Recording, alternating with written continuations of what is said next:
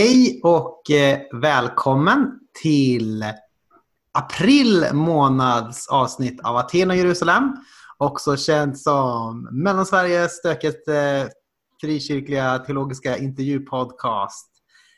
Och, eh, den här månaden så kommer vi gå full-blown Jerusalem.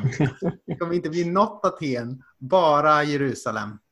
Eh, vi kommer förklara varför. Ja. Men du måste säga med vilka den här podden är. Ja, vilka är det? Idag är det med dig. Anton Jonsson. Och, och med mig, Annika Wilsén. Säg ditt eget namn. Och med?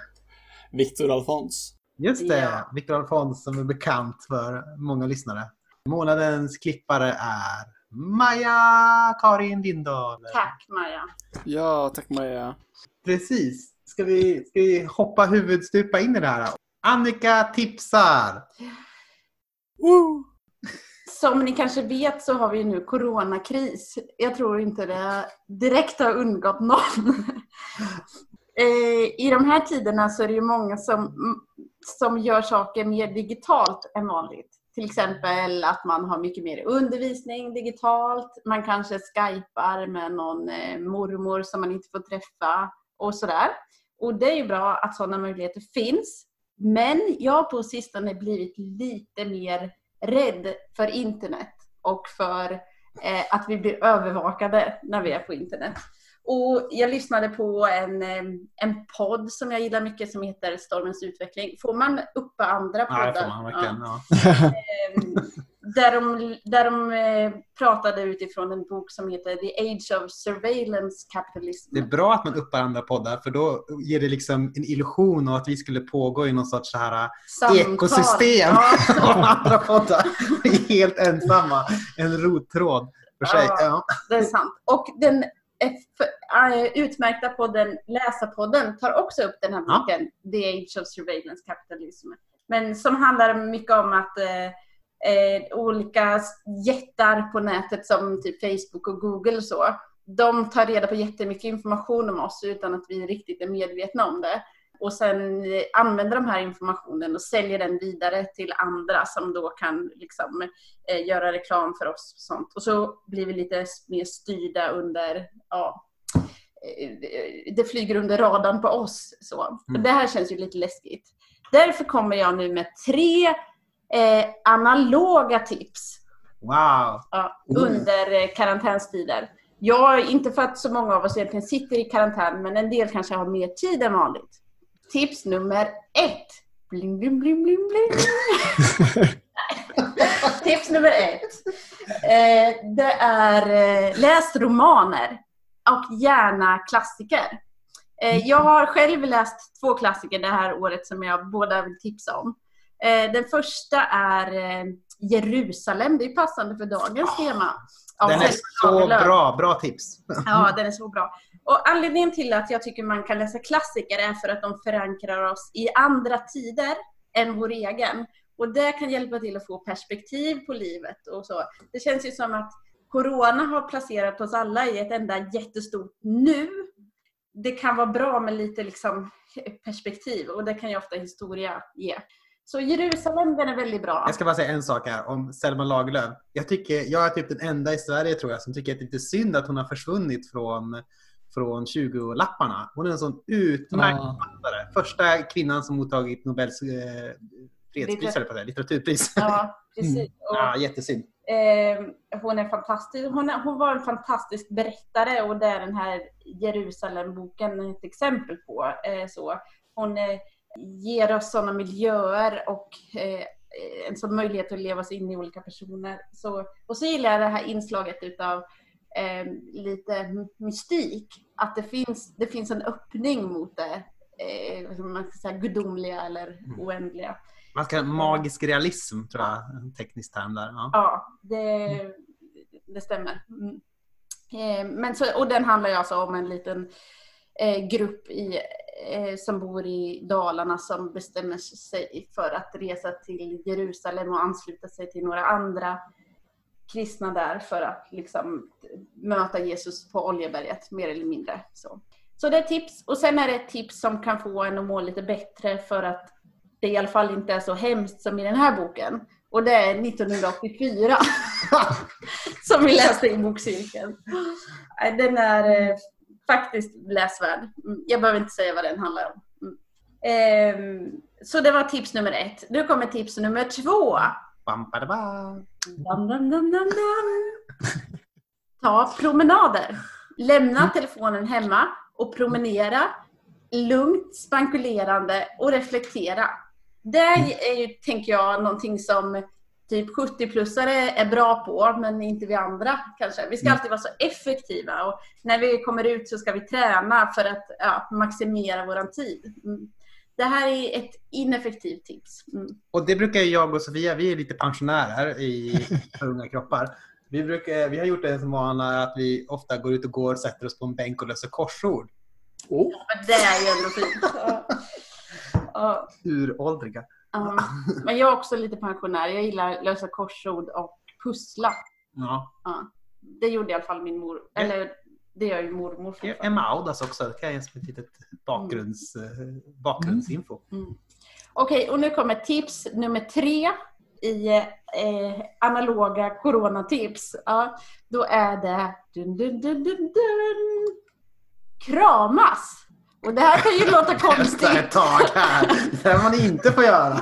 Det, jag, Disregard, disregard. här pratar Folkhälsomyndigheten om, om social distansering och så kommer jag med tips som handlar om fysisk närhet. Men eh, märk väl, det här handlar om de personerna som man ändå har nära sig. De personer som man liksom ändå inte kan undgå att smitta, de kan man lika gärna krama extra mycket på. Mm. Eh, Mm. Och det är sånt som är liksom ångestdämpande också, om man har problem med det. Så att eh, krama, pussa på barnen, på mannen, på frun, vem det nu kan vara. Eh, ja, men Men jag, du- jag, tycker det var bra tips. Tycker du det? Ja, Mm. eh, Jag håller med om alla. Med reservation för att man får vara selektiv till sitt kramande. Ja, precis. Men om man är så att man bor ensam så måste man ju vara ganska fattig på att krama nu. Om man har behov av det. Då Det kanske man ska såna- välja ut en. Det finns såna här boyfriend, eh, girlfriend-kuddar som är så här stora människoformade. Ja, men det är ju bara sorgligt. Eller? Säg inte det till alla våra lyssnare som sitter just nu och kramar en boyfriend, girlfriend. Ja. Jag ber om ursäkt till er. Men det kom från hjärtat. Eh, Precis.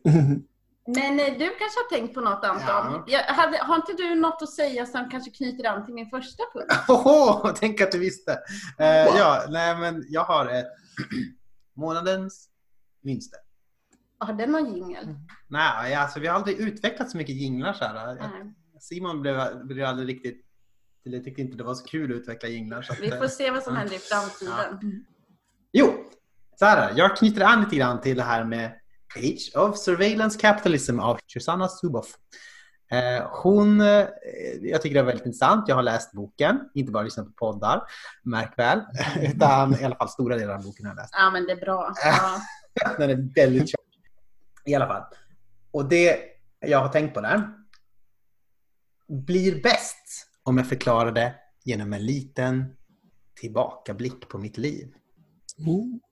Mycket spännande. ja, vi sitter här spända av förväntan. Mm. Det är så att jag har varit på Visby i en, ett tillfälle i mitt liv har jag varit på Visby. I Visby, eller? I Visby. Ja. Och jag var där 2014. Jag skulle gå på några kompisars bröllop. Men det föll sig så att det råkade vara Almedalsveckan i Visby den månaden. Och det var KDs dag. Så då visste man inte så mycket. Vad sa du? Då visste man inte så mycket, sa jag inte. Om det var KDs dag. Eh, Jag undrar om vi håller på att hamra in det här som en vänsterpodd. Ja, kanske det. I en av de här övergivna kyrkorna så var det ett litet seminarium om olika uppfinningar. Folk fick komma fram och berätta om olika typ tekniska innovationer som de har tänkt och som de presenterade. Typ ungefär som man presenterar för som här, det här drakprogrammet, känner ni till det? Man säger typ, eh, där det är massor med investerare som sitter och så ska man presentera en idé och ska Mm. avgöra om den är bra eller dålig, om den vill investera eller inte. Det kallas typ Mm. Draknästet tror jag, det programmet. Mm. Så det var typ ett sånt fast för uppfinnare. Och, så här. och då var det en person som sa så här. Jag har en idé om att vi ska samla in big data. Big data är liksom att man eh, samlar liksom en stor hög med information med data från folks eh, liksom, beteenden online, vad de söker på, vad de gör, vad de gillar och sådär. Och så liksom analyserar man det eh, till olika syften. Och hon ville liksom använda det här för att kunna förhindra krig. Hon sa att hon var pacifist. Så hon vill liksom kunna Mm. liksom analysera den här datan och sen liksom kunna avgöra okej, här håller det på att hända, ske en konflikt. Då är det bäst att vi liksom eh, ser till att det blir, eh, att vi kan komma dit och liksom jäsa ner stämningen lite grann kanske. Men är det lite som att man skulle då snappa upp att eh, Ja. i det här hörnet i Afrika är det jättemycket interaktioner på WhatsApp som handlar om, Om de andra folkgrupper? Att de eller- är kackerlackor eller något sånt där. Ja, Ja, men precis så. Så då ska man kunna komma in dit och liksom köra en avspänningsgrej och sådär. Flitiga lyssnare kanske vet att jag eh, sympatiserar mycket med pacifism och sådär och tänker Va? att en kristen, en, kri, en kristen sak. Eh, men jag slogs ändå av en, snarare en sorts så här, eh, eh, queasy känsla av det här. Alltså lite, lite så här, det kändes inte bra när man, eh, när man eh, säger såna här saker. Och varför då, tänker jag? Det, det borde väl vara konstigt om man bara vill uppnå fred. Så varför inte liksom, ta alla chanser och använda all data man kan liksom, för att eh, kunna hantera saker och sådär. Och det jag tänker på, då, nu är det som sagt coronakris. Och det jag tänker att eh, vi redan nu börjar se i ganska mycket tidningsartiklar, eh, en del prator och sådär. Det är att man mycket pratar om det här med big data. Alltså att man ska kunna analysera eh, folks data, folks mobila interaktioner, att kunna kartlägga människor i den mindre liksom, farliga varianten är liksom för att liksom, kunna se hur smittan sprids. I den mera är det liksom för att vi ska kunna förhindra att sådana här hemska saker som smittspridning någonsin sker igen. Vi måste kunna få ett kontrollerat och bra säkert samhälle. Mm. Och sådär. Och då kan man tänka att det låter ju jättebra. Eller? Mm.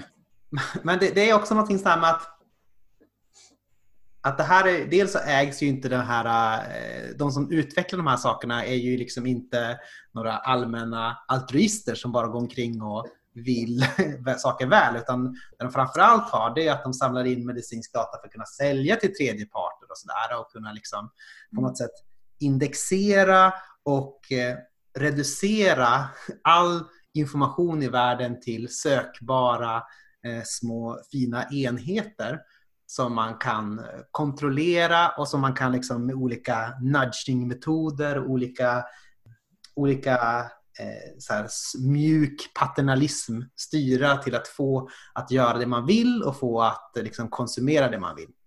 Om man läser lite noggrannare på lite ideologin som är bakom här så finns det liksom en utopisk dröm i Mm. botten hos många av de här. Och det är just att man ska kunna skapa ett, ett harmoniskt, instrumentellt samhälle där människan mer fungerar som en...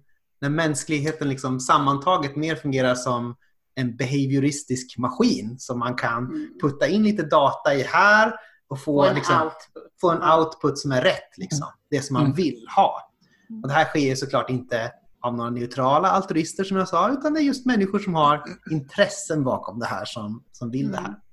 Och är det inte så att det reducerar vad, vad det är att vara människa? Ja, på men något precis. sätt? Det reducerar ju hela människan till en univokt, som det heter på teologiska, liksom bara klump av materia Mm. på något sätt som, Mm. som går att styra. Och, eh, sådär. och därför eh, är jag väldigt skeptisk mot eh, såna här saker. Och vi kommer nog se en ökning av såna här saker, att man vill bara, men vi vill bara göra det bra, vi vill bara göra det för the com- common good, att vi ska Mm. kunna, kunna samla in all, all data mer, reducera er till en köttklump och sen kunna liksom styra så att det aldrig händer någonting oförutsett igen. Mm. Men, och det här vill jag poängtera, inte ens Gud har tagit sig den friheten att på något sätt reducera oss till en styrbar klump som man kan göra vad han vill med. Utan Gud är ju den som, trots att vi är fysiska varelser som är ganska lätt manipulerade, sätter ett väldigt högt värde på, på vår frihet. Mm. Så till den grad att vi kan välja att gå bort från livets källa eh, Mm. själv. Mm. Och därför så är jag väldigt skeptisk mot alla de här som vill anta liksom den här gudsblicken på tillvaron eller någon sorts fake gudsblick och eh, för att kunna kontrollera och skapa den rätta utkomsten av saker. Mm. Om det till och med, och det innebär att vi till och med som pacifist måste vara beredd på att säga att jag hellre accepterar möjligheten till att krig och konflikter uppkommer än den här liksom totala säkra kontrollen. Om jag ska vara ställa en liten djävulens motfråga. Ja, Djävulens motfråga kommer. Ja. Ehm, säger du inte det för att du är mer van vid krig eller potentiella krig än vid eh, liksom absolut surveillance? Alltså om det vore omvänt, om det vore så att vi inte hade några krig men, men liksom massa företag visste massa saker om oss och sen så kom möjligheten vi kan kriga så att vi blir av med det här. Skulle du inte, skulle du vara emot det då eller skulle du vara för det då? Om vi lever i, i 1984 och sen så kan vi kriga istället för att bli av med det här eh, surveillance. Vad, vad är bäst då? Det bästa, nej men ja, det är ju jättesvårt att svara på sådana hypotetiska frågor. Men Jag tänker att överlag så tänker jag att vi måste sätta ett ganska högt värde på saker som frihet. Och så. Att jag tänker att, eh, att det, det är nästan, det är liksom på något sätt, eh, det är någonting som är ett sånt stort gott att man till och med måste tillåta saker som är liksom temporalt onda. Men då dyker vi väl in i dagens avsnitt då. Det är Stefan Larsson. Han är folkhögskolelärare. Han är... Det där sa du så snabbt att det nästan inte gick Han att höra. folkhögskolelärare. Han är Folkhögskollärare. han är folkhögskolelärare. Och han är eh, med i den här tankesmedjan som kallas Mishkan. eh, Som tänker på det här med eh, messiansk judendom. Som är en sorts... Ja, men det är som vi hör, det är, det är som en sorts kristendom som är väldigt starkt betonar kontinuiteten med det judiska. Eh, och så. Sätter en, en, en ära i liksom att behålla den här kontinuiteten. Och så. Mm. Så det är det vi kommer diskutera lite grann. Tora, lagen. Så nu dyker vi in. Spännande.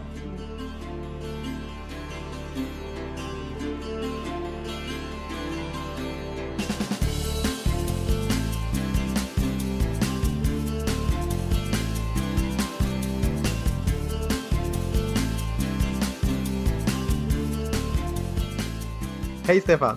Hejsan hejsan! Hej! Vad roligt att du är med här på Aten och Jerusalem. Väldigt kul att få vara här. Ja, det är en ära både för dig och för oss. Definitivt. Eh, Det är möjligtvis så att inte alla riktigt vet vem du är. Så om du skulle presentera dig för våra lyssnare, vad skulle du säga då? Eh, Jag heter Stefan Larsson, eh, ursprungligen från Norrköping, idag boendes i Örebro. Uppvuxen utan eh, kyrklig tillhörighet men eh, döpt in i Philadelphia kyrkan i Örebro för 16 år sedan. Har alltid varit en sökare som tycker om det existentiella samtalet och har aldrig slutat söka även efter mitt dop. Eh, älskar historia och teologi, jobbar som lärare på en folkhögskola. Har en underbar hustru och två fantastiska barn och en väldigt fluffig katt. Och backar aldrig för ett tufft teologiskt samtal. Det är ja, helt enkelt min passion att prata Gud. Vad bra att du inte backar undan för de tuffa teologiska samtalen. Det var också en väldigt koncis och bra beskrivning tycker jag. Ja. Tackar, tackar. Du får eh, ett, eh, ett VG på den presentationen av dig själv. tackar vi för. Det här visar bara hur gammaldags vi är att vi pratar om VG och MVG. Ja. Ja. Vad är du lärare i för någonting på folkhögskolan förresten? Apropå förresten. Jag är lärare i engelska och sen så är jag med och undervisar på ett undersköterske, omvårdnadsprogram för undersköterskor och sen så Eh, egentligen som folkhögskolelärare så är man med i, eller beror på vilken skola i och för sig, men det är lite annorlunda undervisningssystem så att jag är lite med lite varstans också egentligen. Jag är historia och religionslärare från grunden i, eh, på gymnasienivå. Men just på folkhögskolan så har det varit mer språk jag jobbat med de senaste åren. Jag tänker att vi går in lite på de här eh, tuffa teologiska frågorna då. Och vi kommer ju prata mycket i det här samtalet om eh, messiansk judendom. Eh, och därför så är första frågan ganska given. Vad är det egentligen för någonting? Det är med messiansk judendom som med det mesta inom kristendom kan man säga att det finns ju många olika varianter och traditioner. Eh, men den sorts, eh, åtminstone när jag själv använder begreppet, den sorts religiositet som jag syftar på det är att den bibliska idén om ett Israel som blivit utvalt av Gud och som, har, eh, som är synonymt med det judiska folket. Den idén är fortfarande central för messiansk judendom.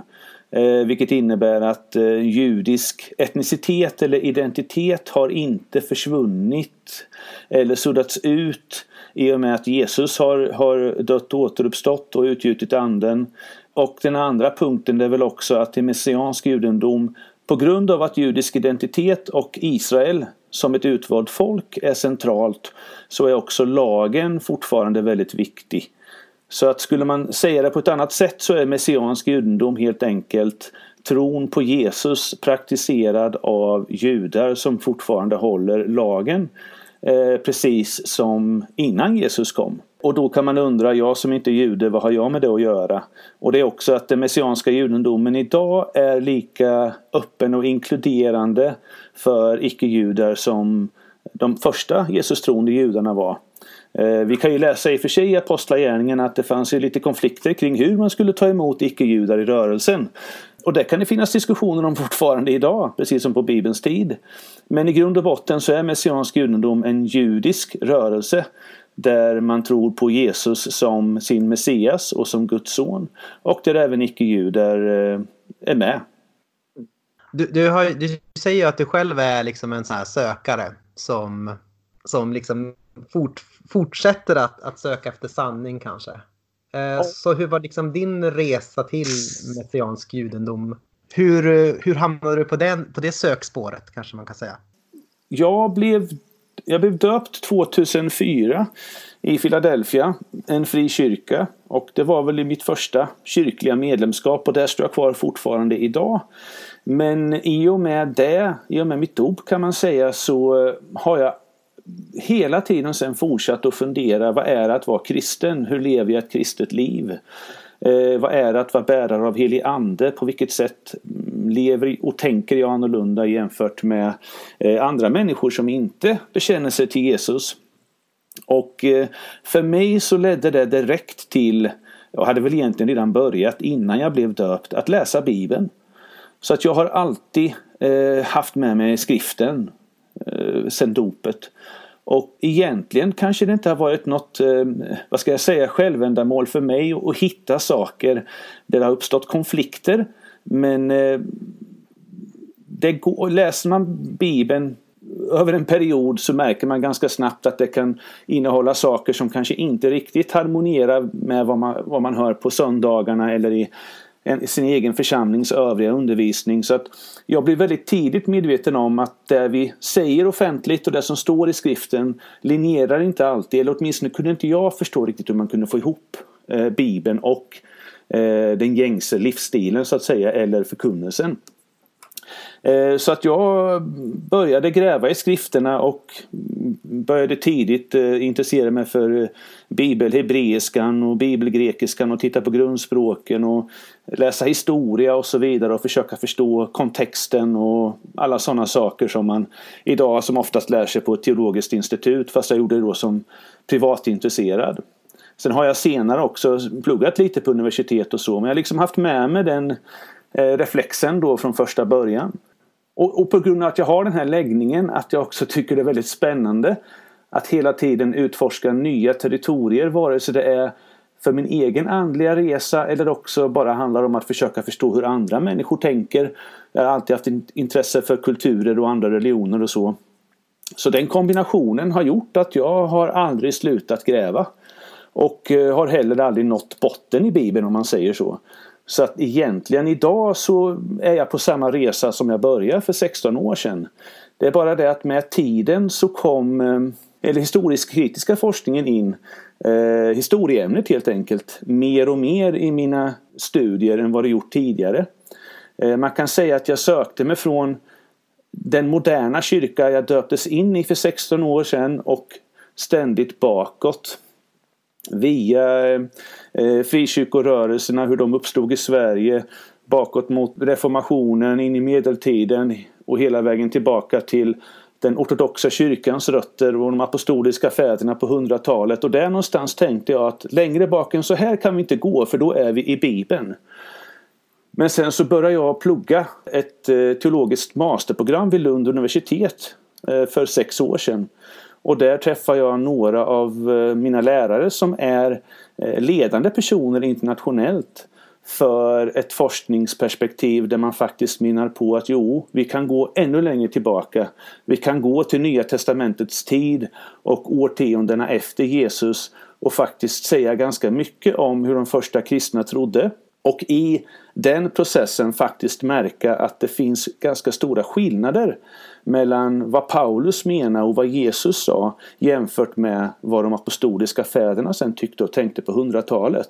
Och det här håller självklart inte alls alla med om. Men för mig var det här någonting nytt. Och det var när jag började fördjupa mig i det som jag åtminstone personligen eh, har blivit övertygad om så pass många saker om hur det nya testamentet framförallt men även då det gamla testamentet ska förstås. Så att jag inte längre känner mig bekväm att undervisa eller tala om min tro på det sätt som jag gjorde fram tills för ett par år sedan. Har skett vissa, vissa saker har justerats på den teologiska gradskalan som gör att jag har behövt lite, ett nytt språk och lite nya ja, idékonstruktioner för att kunna prata om vad jag uppfattar är Bibelns budskap. Och då har den messianska teologin, det är också ett språkspel precis som alla andra traditioner men där har jag hittat redskap för att tydligare kunna peka på saker som jag uppfattar i, i Bibelns texter. Just det. Är det typ radical perspective on Paul eller radical new perspective on Paul som är med här i bakgrunden? Ja, där har vi ju, kommer vi in på någonting som eh, kanske i och för sig kan ta några minuter och, och gröta i men det har ju hänt en del för, eh, med Paulusforskningen precis som med Jesusforskningen på 1900-talet. Och eh, efter New Perspective on Paul så kom ju det som en del vill kalla för Radical Perspective eh, men som man oftare idag kallar för Paul within Judaism-perspektivet. Eh, men jag går ytterligare till steg och skulle väl idag säga att det jag personligen mest attraheras av det är ett, ett forskningsperspektiv som kallas för eh. Mm. Och det, jag, jag, är själv medlem i ett eh, internationellt sällskap, Society for Post Supersessionism. Som egentligen, eh, det har kommit ut ett, ett antal böcker senaste åren i en bokserie där olika representanter för det perspektivet som kommer från alla möjliga kristna traditioner, även evangelikala, Eh, där man försöker göra lite nytolkningar på Nya Testamentets texter utifrån det perspektivet. Och eh, det, det påminner väldigt mycket om det som man skulle kalla messiansk teologi. Så det, därför blir det lite rörigt. Man kan prata om messiansk judendom. Man kan prata om Paulus inom judendomen eller radikala perspektivet. Man kan prata om postsupersessionistiskt perspektiv och så vidare. Det finns olika termer för det. Men det jag tycker om med det här postsuperssessionistiska det är att det inte låser in Eh, mig eller den som eh, identifierar sig med det i en särskild kristen tradition. Utan det, kan, det, det är liksom en ekumenisk term egentligen. Eh, för att man menar på att eh, Guds folk är det judiska folket alltjämt. Och att det judiska folket har en unik kallelse och roll i Guds frälsningsverk. Eh, och att det fortfarande finns en distinktion mellan att vara jude och vara icke-jude eller från nationerna. Och att eh, Toran eller lagen fortfarande är fullt giltig och ska hållas. Det är väl de sakerna som ingår. Får jag ställa ja. en följdfråga på det? Eh, när du säger att eh, Tora är giltig och ska hållas. Gäller det för eh, judar eller för både judar och icke-judar? Ja.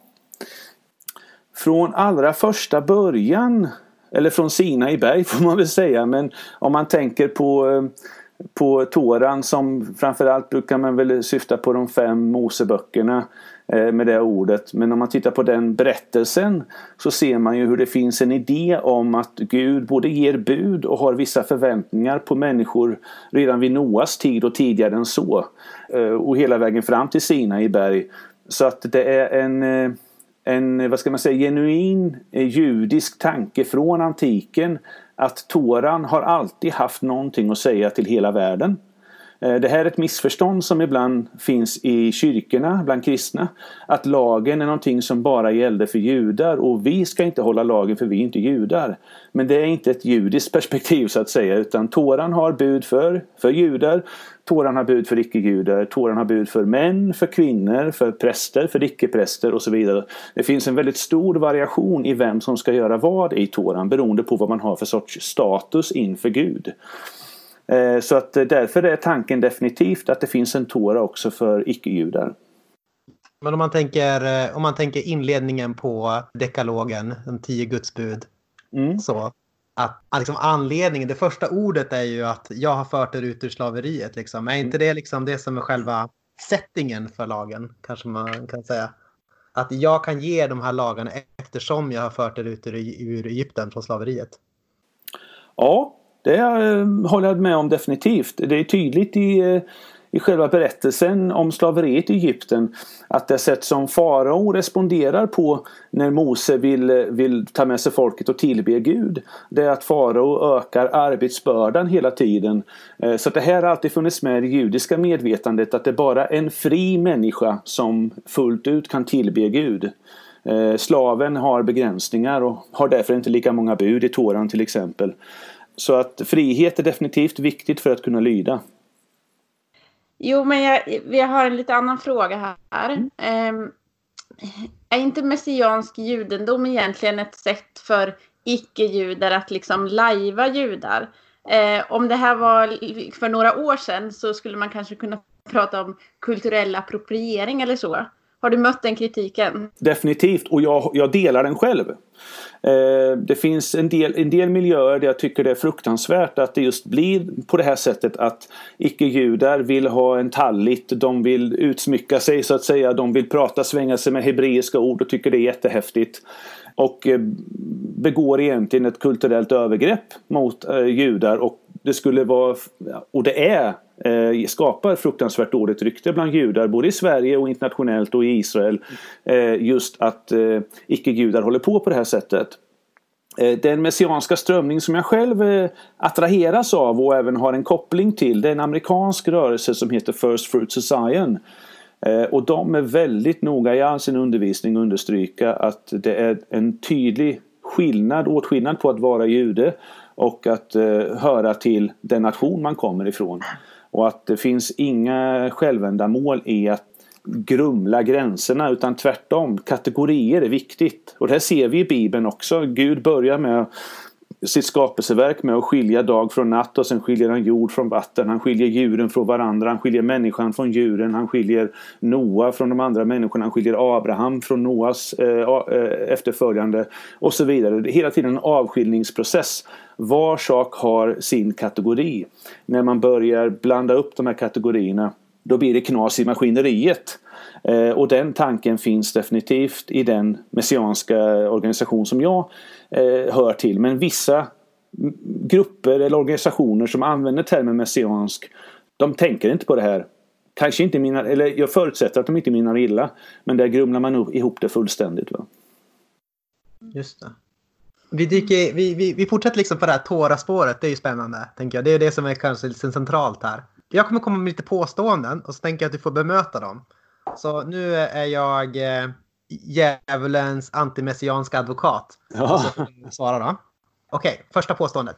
Lagen är bara massor med bronsålderstabun som inte har någon relevans för oss idag. Eh, lagen är Guds vilja uttryckt i språk, i det här fallet hebreiska, som är en evig vilja. Den är uttryckt i eh, tidsrelativ form men eh, lagen har ändå inget bäst före-datum. Utan varje lag som Gud har gett har han gett för att den ska fungera för det judiska folket och för mänskligheten. Så att det är vår uppgift att eh, forska ständigt djupare i varje bud och förstå hur det ska levas ut i varje tidsperiod eller tidsålder. Lagen är förtryckande för kvinnor och patriarkal? Lagen i sig är inte förtryckande, människor är förtryckande. Eh, män har alltid varit svin sen syndafallet. Och eh, oavsett om vi lever i lagfria, karismatiska, nådeprofilerade kristna organisationer eller i eh, ultraortodoxa judiska kvarter så kommer vi alltid ha män som tycker om att hävda sin manlighet på ett sätt som diskriminerar och förtrycker mot kvinnor. Men sen så är det självklart en utmaning för mig som modern sekulariserad svensk att hantera en del av buden. Men det är definitivt så att eh, det finns en åtskillnad på vad som är manligt och vad som är kvinnligt. Så de två könen har en väldigt tydlig funktion i Bibeln. Och det här är jättetufft att förhålla sig till idag för oss som svenskar, både män som kvinnor. Att det finns förväntningar på oss utifrån vårt kön och vi får inte leka med de förväntningarna och vi måste underordna oss Guds vilja där. Då kommer jag med nästa här. Jesus har kommit för att befria oss från lagens krav. Mm. Den är en, en klassiker. Jobbiga är bara att den inte finns ingenting i Bibeln som liknar det påståendet. Det närmsta man brukar komma ibland är Romarbrevet 10.4 om att eh, Messias är lagens slut. Men eh, den termen där, det, det, är få teologer som skulle använda det grekiska ordet telos där som just slut. Utan Messias är syftet, målet, fullkomnandet av hela Bibeln. Vilket ju är vad Jesus själv säger till sina lärjungar när han återuppstått och undervisar dem. Att eh, han kan tala ur varje sektion av eh, Gamla Testamentet om sig själv. Det är han som fyller alla sidor. Så att, eh, att Jesus skulle kommit för att ta bort lagen är en jätteskruvad tanke som jag inte vet riktigt hur man får ihop. Och jag tror inte man gör det heller. Det finns ju den här catchy sången. Moses ja. gav oss lag och krav, halleluja. Jesus lyfte bördan av, halleluja. Har du hört den? Nej, inte, inte just den faktiskt. Men eh, jag tycker ändå den summerar väldigt fint eh, den grundtanken där. Eh, men det är också det här att det här är ett eh, ett väldigt krist, eller det är ett unikt kristet sätt att se på lagen. Judar själva har aldrig upplevt lagen som en börda. Eh, när de använder ordet ok i, i sina diskurser så är det att bejaka att det är svårt och tufft och krävande att hålla lagen men det har alltid varit en ära och en glädje. Eh, och framförallt väldigt viktigt för identiteten. Det är därför som det är och har varit i 2000 år enorma spänningar mellan judar och kristna. Därför att judar menar på att tar ni, bort, tar ni lagen ifrån oss, då tar ni vårt folk, då tar ni vår identitet, då tar ni vår existens. Och det är det man också har försökt göra både under antiken men också sedan dess. Att när man vill komma åt det judiska folket då försöker man sätta stopp för att de ska hålla sabbat eller äta kosher eller följa sina lagar. Det har varit eh, debatt. Ja, det är därför man som, som jude inte kan acceptera att eh, det är klart att man kan vara kristen och ha en judisk identitet så länge man inte följer lagen. För det, det resonemanget går inte ihop för att, att vara lagobservant är en viktig beståndsdel av att vara en troende judisk person. Då kommer jag med nästa påstående här då. Nya testamentet lär, och, särskilt Paulus, att lagen var en tillfällig övervakare som nu har avskaffats när mm. Jesus kom till oss. Mm. Tredje, det Galaterbrevets tredje kapitel där, eh, vers 25 tror jag som den där, det där ordet eh, pedagogos dyker upp. Som ibland översätts som övervakare. Eh, verserna där är lite snåriga, det håller jag med om. Men om man tittar direkt på vad som följer efteråt så eh, bedyrar just Paulus det här att ni är ju nu i Kristus, ni är Abrahams barn, ni är fullvärdiga medlemmar. Så vad han syftar till där, det han skriver ju till icke-judar där det någonstans finns ett driv och en längtan att konvertera för att de tror att det ska ge dem ett fullvärdigt medlemskap i Israel. Något som Paulus menar att men det har ni redan. Och sen så talar han om tiden som har varit fram till Messias där lagen, och så står det också i Toran, har funktionen att skilja rent från orent och heligt från, från oheligt. Och det har lagen fortfarande. Att, och det har även för det judiska folket i framförallt tredje Mosebok då utvecklats till att också vinnlägga sig om att vara försiktiga med andra nationer. Därför att de tillber inte Gud. De hör inte till Gud, de tillber andra avgudar. Så var försiktiga i umgänget med dem. Lagen har varit en skyddsapparat, en skyddsmekanism för att bevara det judiska folket i en värld som är avgudadyrkande och därför demoniskt influerad. Men det Paulus understryker är att när hedningar har omvänt sig och tagit emot Jesus som sin Herre och därtill blivit renade och fått ta emot helig Ande, då finns det ingen skiljemur kvar längre. Utan vi är ett folk i Messias. Så det är där den här pedagog eller övervakarfunktionen, den behöver inte judar hålla kvar vid längre inför eh, andefyllda hedningar. Därför de har Gud renat och tagit in och satt sitt namn på och gjort till medlemmar i sitt folk. Så det är egentligen den diskussionen som finns där. Det har inte att göra med lagen som skrift. Det finns så många andra saker i Paulus brev som visar att han i allra högsta grad fortfarande tänker i termer av en domedag. Att eh, Jesus ska hålla räkenskap med oss, att det är våra gärningar som ska leda till ett resultat i den här domen. Frias eller fällas. Eh, och framförallt så refererar Paulus ganska ofta till lagen, både lagens berättelser men också lagens enskilda bud. Så att, att lagen skulle vara borta, då blir det helt obegripligt vad Paulus eller någon annan i Nya Testamentet egentligen håller på med när de resonerar etik. För de är väldigt Tora-baserade fortfarande. Okej, men då är ju den givna frågan. Om lagen är så himla bra, varför behöver vi Jesus då? Räcker det inte bara med att ha lagen? Eh, för lagen är så bra men människan är så dålig. eh, det är egentligen så att Paulus problem, om jag, Paulus är den som jag kanske fokuserat mest på de senaste sex åren. Och eh, Paulus problem är synden. Paulus problem är inte lagen utan mänsklighetens synd. Och för mig har både Efesierbrevet 2 och sen Kolosserbrevet 2, det är ju två brev som man tänker på något sätt har haft med varandra att göra. Om de har skrivits i samma veva på något sätt är väldigt snarlikt innehåll i båda breven. Och då finns den här lite skumma sekvensen i Efesierbrevet om att det är någonting som har tagits bort. En del tänker sig att det är lagen för att skiljemuren ska kunna ha rivits mellan judar och eh, icke-judar. Men i Kolosserbrevet så förtydligas det genom att det är skuldebrevet som har spikats på korset. Och det är det här som är Paulus för mig drivande vision att i Jesus så har vi renats från våra synder.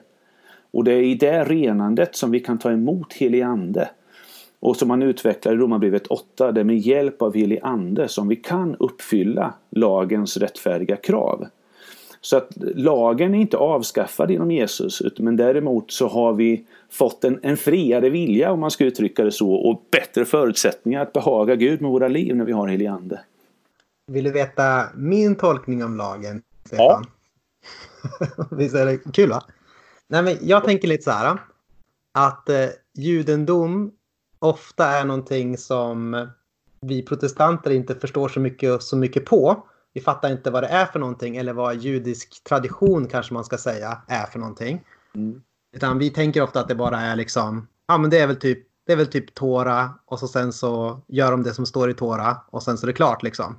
Med lite så här olika grader av liberala eller stränga. Men jag tänker att, att lagen alltid är liksom tolkad eller så här kanske snarare man läser alltid lagen genom någon.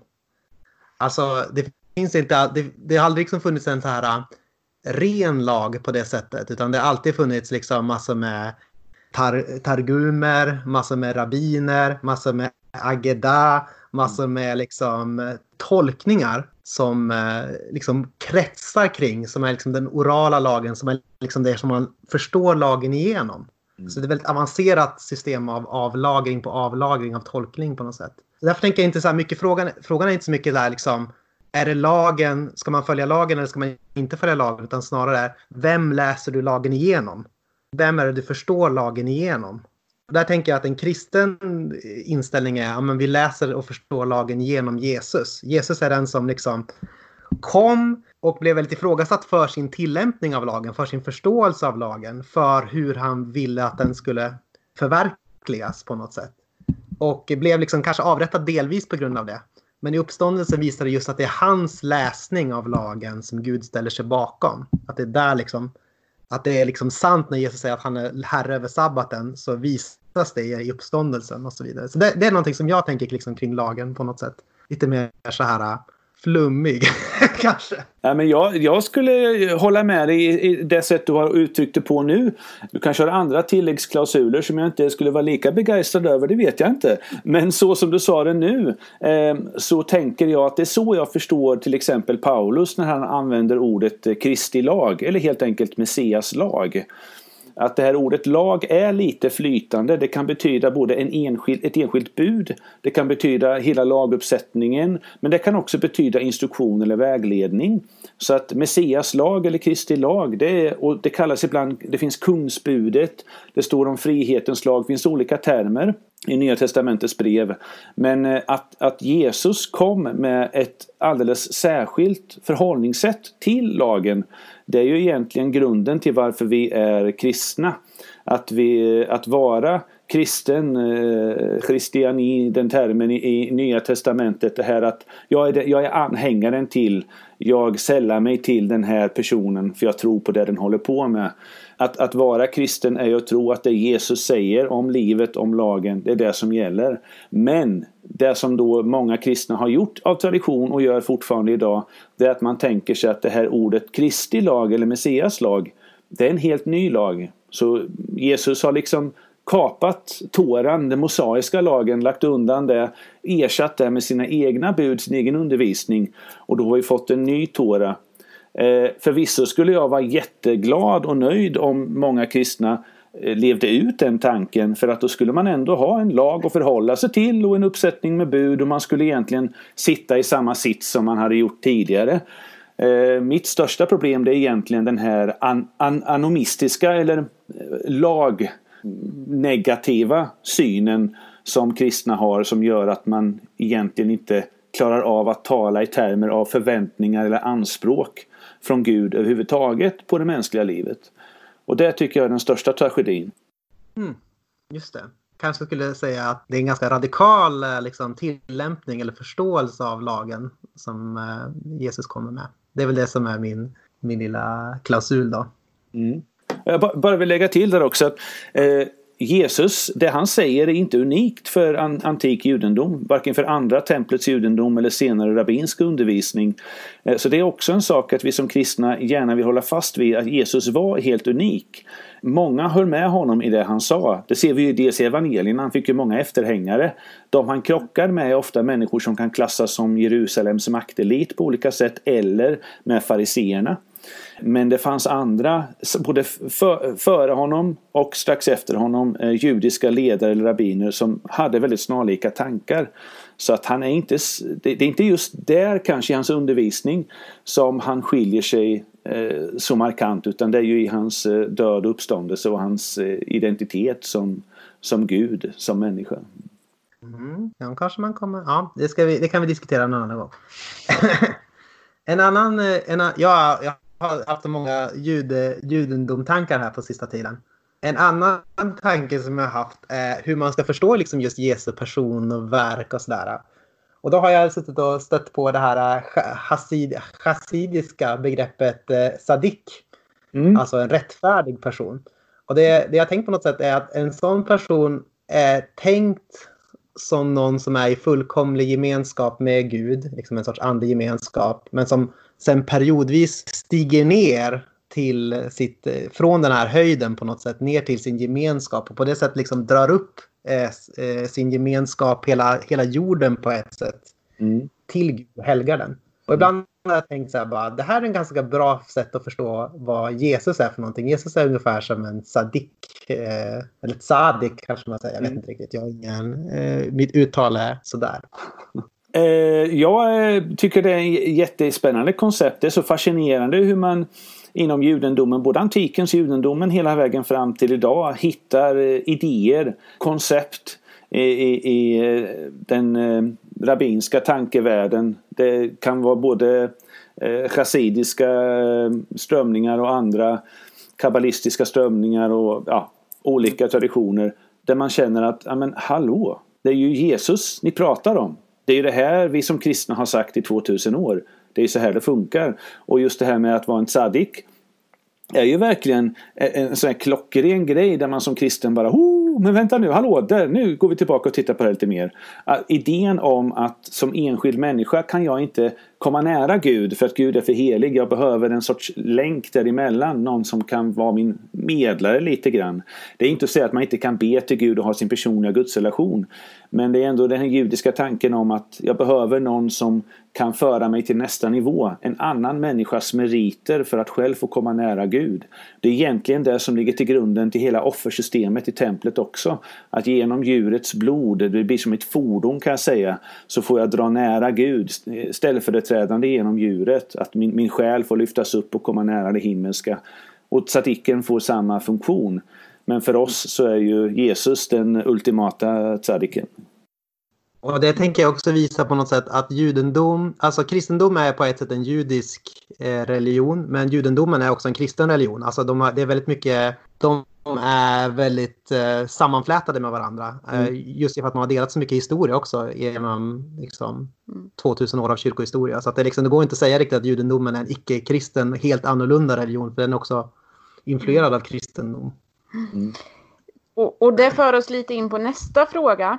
Det handlar om eh, the parting of the ways eller när, eh, när schismen mellan judar och kristna blev definitiv. Skulle det ha kunnat undvikas? Skulle kyrka och synagoga nödvändigt nödvändigtvis behöva vara så hårt åtskilda som de är idag? Mm. Och det där är en jättespännande fråga för det där har man ju också inom uh, The Parting of the Ways-forskningen så finns det ju självklart som i allt annat olika läger. Men det finns ju forskare som jag tror den, den jag hört som har talat om ett allra, vad ska man säga, längst historiskt skeende av att fortfarande se hur kristna och judar umgås tillsammans relativt gränslöst. Det är tror jag Holger Selentin som har forskat en hel del i Koranen och menar på att i, i Koranens eh, text så som den har eh, framställts beroende på hur man ser på det 600-700-talet och den perioden därefter så ser man där i en dialog med omkringliggande eh, kommuniteter av både judar och kristna på ett sätt som han menar på indikerar att det finns fortfarande väldigt mycket dialog mellan judar och kristna. Men sen har vi kyrkofäder som, som på 300-400-talet ondgör sig över att kristna springer i synagogan och är med och firar högtider och sådär. Det är svårt att veta exakt när kanske egentligen då ledarna både för kyrkan och för synagogorna lyckades tukta sina medlemmar så till en grad att de höll sig borta från varann. Men eh, det tog i alla fall ett antal hundra år för det. Vilket ju är ett kvitto på att det har krävts en väldigt medveten ideologisk eh, en process där, där människor har, några människor har viljat driva den här tudelningen. Så att jag tänker mig att självklart hade det gått att undvika den. Och en del lyckades undvika den under flera hundra år. Men det är å andra sidan heller kanske inte samma sak som att säga att den kristna tron från allra första början eh, funkar jättebra i synagogan. Vi ser ju i Nya Testamentets texter att det, det, det vart ju ändå spänningar direkt. Det vart förföljelse i Jerusalem och det var upplopp i, i diasporan och så vidare. Vi kan kanske inte alltid vara riktigt säkra på exakt vad det var, var skon klämde. Men med stor sannolikhet så var det just det fallet att vi eh, som är icke-judar fick komma in i så stor grad med sån hög status som likställda medlemmar i Israel. Det blev liksom, det stack i ögat på de judar som inte trodde på Messias. Så någonstans fick vi med oss redan från första början de här sociologiska faktorerna som ändå skulle leda till kanske outhärdlig konflikt till slut på något sätt och det där byggdes upp. Men sen fanns det saker som hände som andra templets förstörelse eh, och även eh, en hel del upplopp eh, både i Egypten och sen i Jerus Egypten 115 efter Kristus och i, i Jerusalem 100, på 130-talet där också konflikten mellan romersk överhet och det judiska folket intensifierades på ett sätt som gjorde att även spänningar mellan hedningar och judar blev kraftigare och de icke-judiska kristna tvingades på något sätt att ta ställning gentemot det judiska för sin egen överlevnads skull. Det är många sådana saker som gör att det är svårt att se hur det skulle ha blivit på ett annat sätt än vad det blev. Eh, och sen som en sista reflektion bara så upplever jag ändå att i Paulus brev i Romarbrevet eh, 11 där han framförallt lägger ut det, eller 10 och 11 så eh, finns det också en nyans av att det är det judiska ledarskapets förskjutande eller nej till Jesus som folkets Messias som någonstans ändå startar en tudelning, att det, det, det, det, är en sorts förstockelse som landar på en del av Israel tills hedningarnas fulla antal kommer in som det står. Så att det här är en jättegrötig diskussion. Eh, men det, det som för mig är allra viktigast det är att idag konstatera att det finns en rörelse tillbaka på olika sätt. Både mellan kristna och judar i form av bara brobyggande men också just den här tanken som eh, vi nämnde förut här att ja, men, i det judiska finns det någonting kristet och i det kristna finns det någonting, judiska, någonting judiskt. Att i forskarvärlden så är det en del som försöker hitta nya begrepp, till exempel kanske bara prata om biblisk religion istället. Därför att man, eh, eh, man vill på något sätt sätta fingret på hur pass mycket det finns gemensamt. Då. Att tala om två olika religioner kan bli missvisande för de har så enormt mycket gemensamt. Finns det någon, eh, ja, du var, ja du var inne på det egentligen. Jag tänkte liksom eh, hur vägen framåt skulle se ut för eh, judar och kristna eh, att liksom mötas på ett annat sätt igen. Men du var lite inne på det när du sa det här med att man ser ja, ja, det med biblisk religion och det. Mm. Ja, och om jag ändå får lägga till det då att det är det jag tänker mig att vi har vår, vår bästa mötesplats, det är i Bibeln.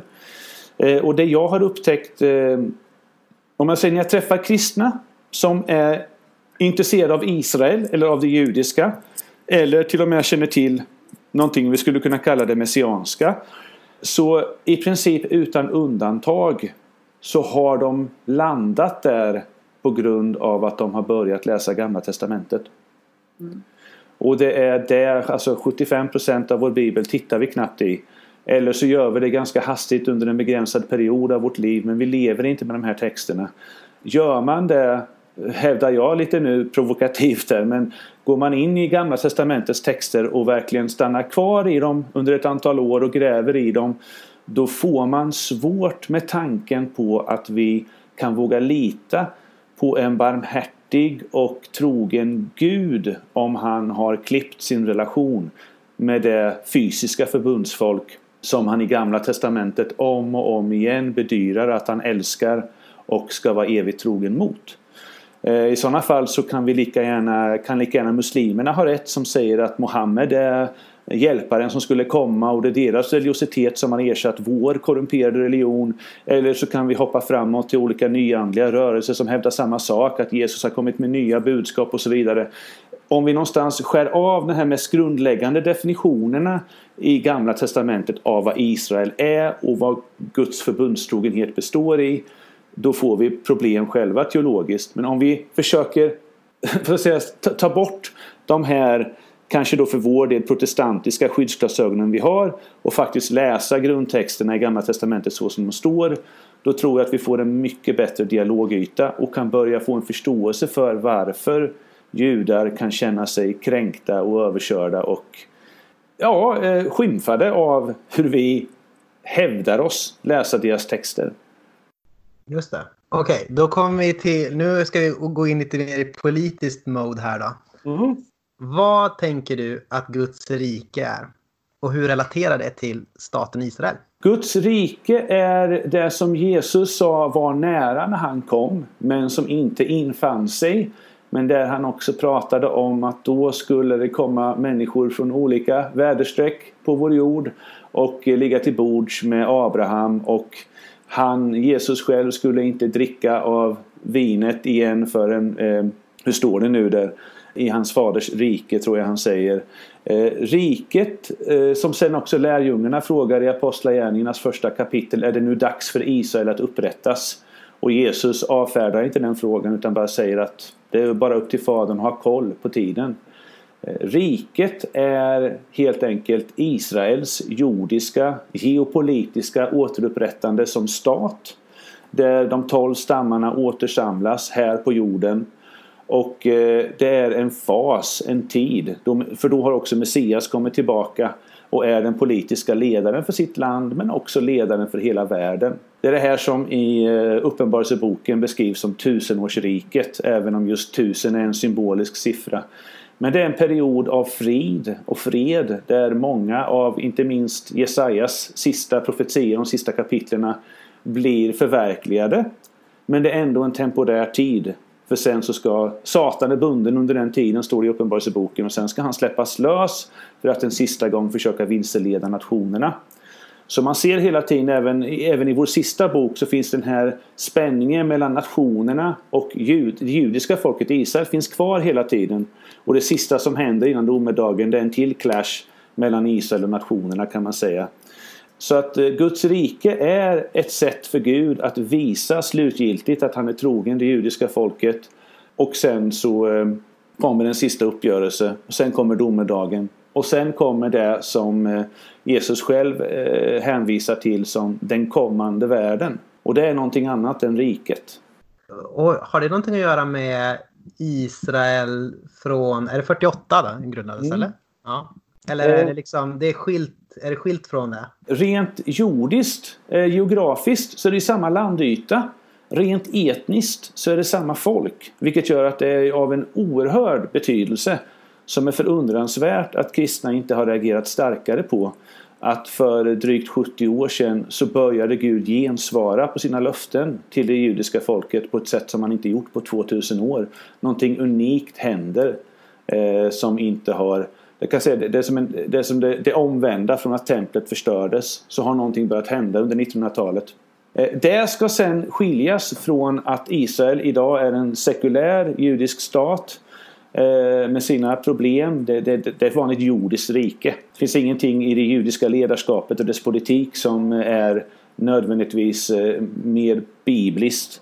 Även om de har sina rabbinska halachiska råd och så vidare och det finns mycket som sker i Israel som ändå har möjliggjort för judar att idag leva friare helt enkelt och därmed också ett mer Torah-observant liv. Men just Israel som stat är inget märkvärdigt. Men landet som, som yta och folket som etnicitet är någonting helt, eh, helt unikt. Men sen så är det som sker idag i Israel inte någonting som man som kristen alltid kan stödja. Även om jag personligen menar på att det är galet att inte visa sin solidaritet med Israel som politisk entitet. Att nu har nationen bildats, jag är övertygad om att det är ett Guds verk. Och att då eh, leva som att... Eh, det, det, är ungefär som att se på kyrkan. Ibland ta, får vi tala om, om kyrkan i kyrkan. Vi måste bejaka att kyrkan är en jordisk institution. Massor med synd och övergrepp och fruktansvärda saker kan ske i kyrkan för att människor är trasiga.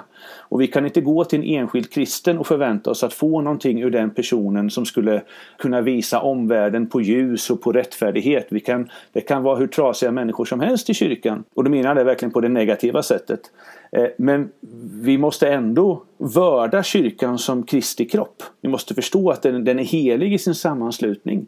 Och att vi måste bevara kyrkan som institution och förhålla oss positivt till att Gud har valt att skapa församlingskroppar som är Messias Kristi kropp på jorden. Och det är samma spänningsfält vi har med Israel här. Att vi måste kunna se all trasighet som finns i Israel som jordisk stat, nationalstat. Men vi måste också kunna se Bibel, med Bibelns ögon på det faktum att det judiska folket har fått komma hem och att den här landplätten som Gud har valt nu håller på att byggas upp igen. På andra sidan kan man säga att de alltid har bott där. Så att eh, landet har alltid varit deras. Det har inte, aldrig funnits en tid då det inte funnits judar. Så de har redan alltid haft landet. Och då spelar det inte så stor roll om de har en stat eller inte. Jag är lite så här ultraortodox eh, på, på den här punkten. Att jag tänker ja. liksom att, jag tänker liksom att eh, som, som vissa ultraortodoxa tänker att just Guds rike är ingenting som kan gripas med våld. Mm. Utan det är alltid en gåva från Gud. Som Jerusalem kommer nersänkt från himlen eh, som en gåva från Gud. Och därför så eh, tänker jag att det är, alltså när man allt för starkt så här politiserar det på det sättet att det är någonting som man kan liksom med lite smarthet eller liksom så här lite list kunna politisera skapa. fram, mm. skapa, mm. då är det någonting som jag tänker ändå är, då håller jag med mina ultraortodoxa bröder att då är, det, då, då, är det, då är det någonting skumt med det. Utan det är någonting som liksom kommer just med ett fredsrike från... Men det är det jag skulle hävda. Jag lyssnade på en rabbin när jag var i Jerusalem här i, eh, i höstas eh, som, som talar just om det helt osannolika med att en judisk stat skulle bildas överhuvudtaget i slutet på 40-talet. Eh, gick man tillbaka till år 1900 fanns det ingenting på kartan som pekar på att det någonsin skulle hända. Utan det var väldigt stora omvälvande världshändelser kulminerat i massmordet, det industriella massmordet på 6 miljoner judar som gjorde att det blev en politisk verklighet. Så att det är verkligen ingenting som enskilda lobbygrupper eller organisationer kunde omsätta. Utan det är ett fruktansvärt högt pris betalat för det. Inklusive hela andra världskrigets skeenden också. Med atombomben och att, att det då blev en fred med Japan. Det är så många faktorer så att det går inte att se konstruerandet av den judiska staten som någonting eh, kalkylerat, som en produkt produkt som nästan av nödvändighet eh, skapades på grund av vissa människors eh, planering innan på något sätt. Utan ingenting pekar på att den här staten skulle bildas. Och när den väl bildades var det ingenting som pekade på att den skulle överleva mer än några dygn på grund av den militära situationen. Så att om och om igen så har ändå det faktum att landet existerar visat på att man kan kalla det vad man vill, precis som vid varje mirakel. Eh, antingen tror man på att det finns någonting mirakulöst eller också inte. Men hänvisar man bara till vanliga geopolitiska omständigheter så måste man ändå konstatera att oj, att, att det överhuvudtaget uppstod en stat och att den finns idag drygt 70 år senare det är, det är verkligen små marginaler en liten följdfråga på det här. Hur, hur kan vi tänka kring våra trossyskon som är palestinier och som ju i, i viss mån måste man säga lider under man säga, i staten Israels agerande? Vissa kanske av de kristna palestinierna skulle inte bara säga i viss mån utan i, i rejäl mån. Mm. Jag skulle säga eh, rejäl mån eh, till viss del. eh, för man har det här igen att det beror på vart det är man tittar i, på Västbanken och Gaza. Eh, för att kunna se vart människor lider. Och sen så är det mycket till för att kunna konstatera varför de lider. Så att jag vill inte på något sätt nu förneka att ockupationen, som den kallas, det faktum att det finns israelisk militär eh, närvaro i de områden som klassas som palestinska för Västbanken. Att det sker oegentligheter att israeliska soldater begår övergrepp, att människor ibland kan avrättas på ett sätt som vi skulle betrakta som summariskt eh, i Sverige utan tydlig rättegångsprocess. Det är inte på något sätt för mig att försöka skönmåla det som kan ske ibland i staten Israels namn. Men däremot så har vi i Sverige en brutalt snedvriden uppfattning genom våra medier om vad som sker där nere och även genom en hel del organisationer som till exempel Amnesty och vissa andra stora respekterade organisationer som har en väldigt ensidig förståelse av vad som sker. Nu har Amnesty börjat, eller tittar man på deras senare årsrapporter så har de också de tar med tydligt vilka övergrepp mer, vad som sker från den palestinska statens sida också. Enormt mycket av lidandet på Västbanken och framförallt i Gaza har att göra med Fatah och Hamas och deras sätt att styra landet. Jag såg på en intervju, där jag blev lite chockad, en intervju med en palestinsk man på Västbanken eh, där de, de intervjuade ett antal palestinier och frågade vad skulle hända om Israel bara drog sig tillbaka och bara försvann över en dag liksom. Och flera skulle ju självklart tycka att ja, men det är helt fantastiskt. Och så var det en man som sa att ja, det skulle bli inbördeskrig. Att det är så att alla dessa falanger som finns i, i, den palestinska befolkningen kan bara förhålla sig till varandra med hjälp av en yttre fiende. Det är enormt mycket hierarkier, det är enormt mycket klanstrider, eh, stridigheter som vi inte förstår överhuvudtaget i Sverige för vi, har inte, vi, vi greppar inte klansystemet. Enorma motsättningar, en väldig korruption som är helt sanslös. Och Hamas är en av de värsta på det här. Så att det, det, är så sjukt att med svensk media få se bilder från vissa bostadsområden som är riktigt trasiga i Gaza. Och sen så kan man växla över till Al Jazeera om man vill göra det och titta på deras reportage från Gaza Citys nya köpcentrum som är helt sanslöst extravagant. Det liksom sticker över Stockholms köpcentrum utan problem. Så att det är ändå det här att när vi ska titta på det lidande som det palestinska folket eh, eh utsätts för från staten Israel så måste det också sättas i paritet till vad, den palestinska, vad de palestinska styrena dels gör mot sina egna folk men sen också vad de hjärntvättar sitt eget folk med. För det är den andra aspekten av den här konflikten. Att växa upp som barn på Västbanken eller i Gaza idag så är det kokt. Man har inte en chans att utveckla någonting annat än en extremt pro, eh, nationalistisk och antisemitistisk hållning. För de här skolorna som till exempel Sverige är med och pumpar in miljoner i varje år för att finansiera som ska vara för palestinska flyktingar är skolor som idag vi har tydliga belägg för att de sysslar med en ren antisemitisk, eh, antisemitisk eh, hjärntvätt av de här barnen. Det finns inte knappt en kursbok, matematik, arabiska, samhällskunskap, historia.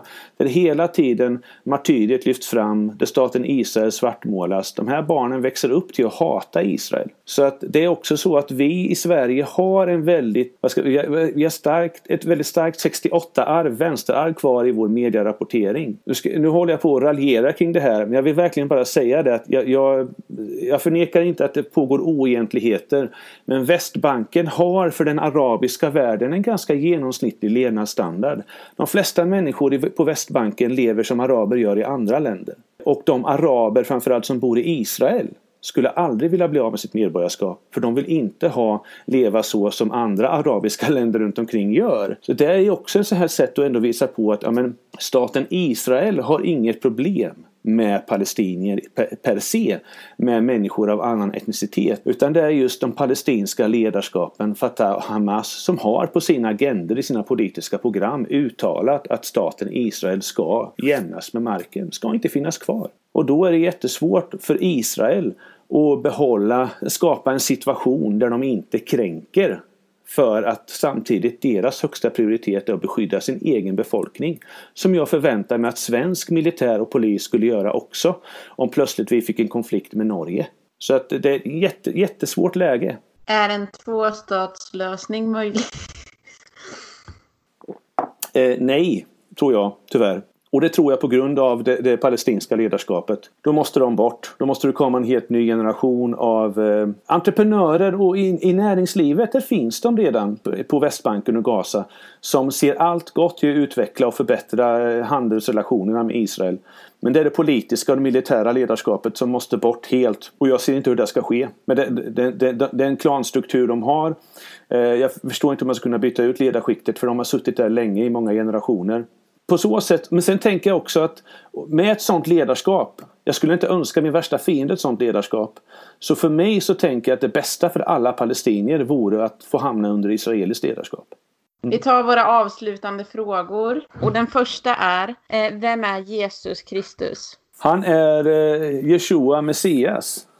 Jesus är Gud, Guds ord eh, i mänsklig form kommit till Guds förbundsfolk Israel eh, för att lida som den lidande tjänaren för folkets synder. Eh, och han kommer komma tillbaka som den davidiska konungen eh, och upprätta Israel som nation allting som kristna bekänner kring Jesus idag, med undantag för att han då kom för att ta bort lagen, tror jag nog ändå kan harmoniera med det mesta av, av det som jag sa nu. Eh, skillnaden är att det, det kristna evangeliet tar bort 95% av den bibliska berättelsen om vem Jesus är. Därför Jesus är ett avsnitt, om jag får uttrycka mig så vanvördigt, i den bibliska berättelsen som förtydligar hela berättelsen. Men för den skull får vi inte då skära ner vårt evangelium till att bara handla om just den biten utan Jesus blir bara Kristus i sanning när han får finnas i kontexten av hela Bibelns berättelse om hur Gud väljer ut ett folk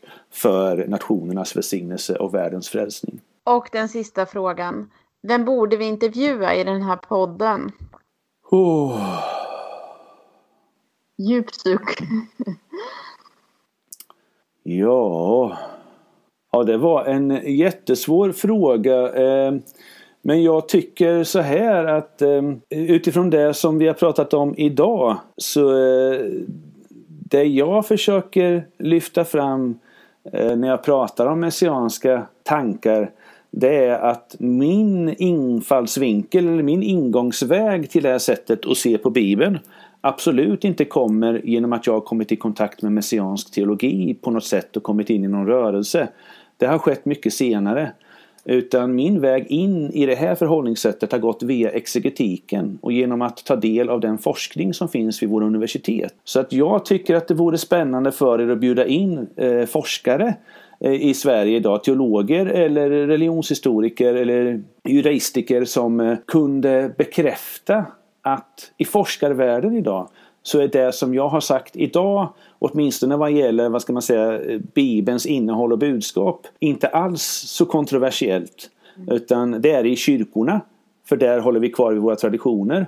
Men eh, utanför kyrkorna så att säga eh, så finns det andra, andra saker som turdelar forskarlägen istället. Så att jag tycker till exempel då eh, eh finns ju Karin eh, eh, Zetterholm och Magnus Zetterholm vid Lund universitet är ju ledande inom den här Paulus inom judendomforskningen. Eh, Anders Runesson, om han idag sitter, han satt för ett par år sedan vid Oslo universitet. Jag vet inte om han finns i Sverige idag. Kunde vara intressant också kanske att eh, hitta människor som definitivt eh, är kvar i sin, eh, vad ska man säga, tydliga eh, frikyrkliga identitet men som ändå har närmat sig det judiska. Säger jag rätt nu när jag säger eh, Göran Lennartsson? Ja, det säger du nog rätt i. Eh, som eh, väl är eh, undervisaren på, eh, vad heter den, Stockholm teologiska högskola. Mm. Och i alla fall, han har väl skrivit boken Inympad tror jag. Hör väl till pingströrelsen till vardags. Om jag minns rätt. Men eh, Göran Lennartsson. Ja, men tack för tips. Tack så mycket. Då får du ha det så bra. Vi eh, ses väl när vi ses.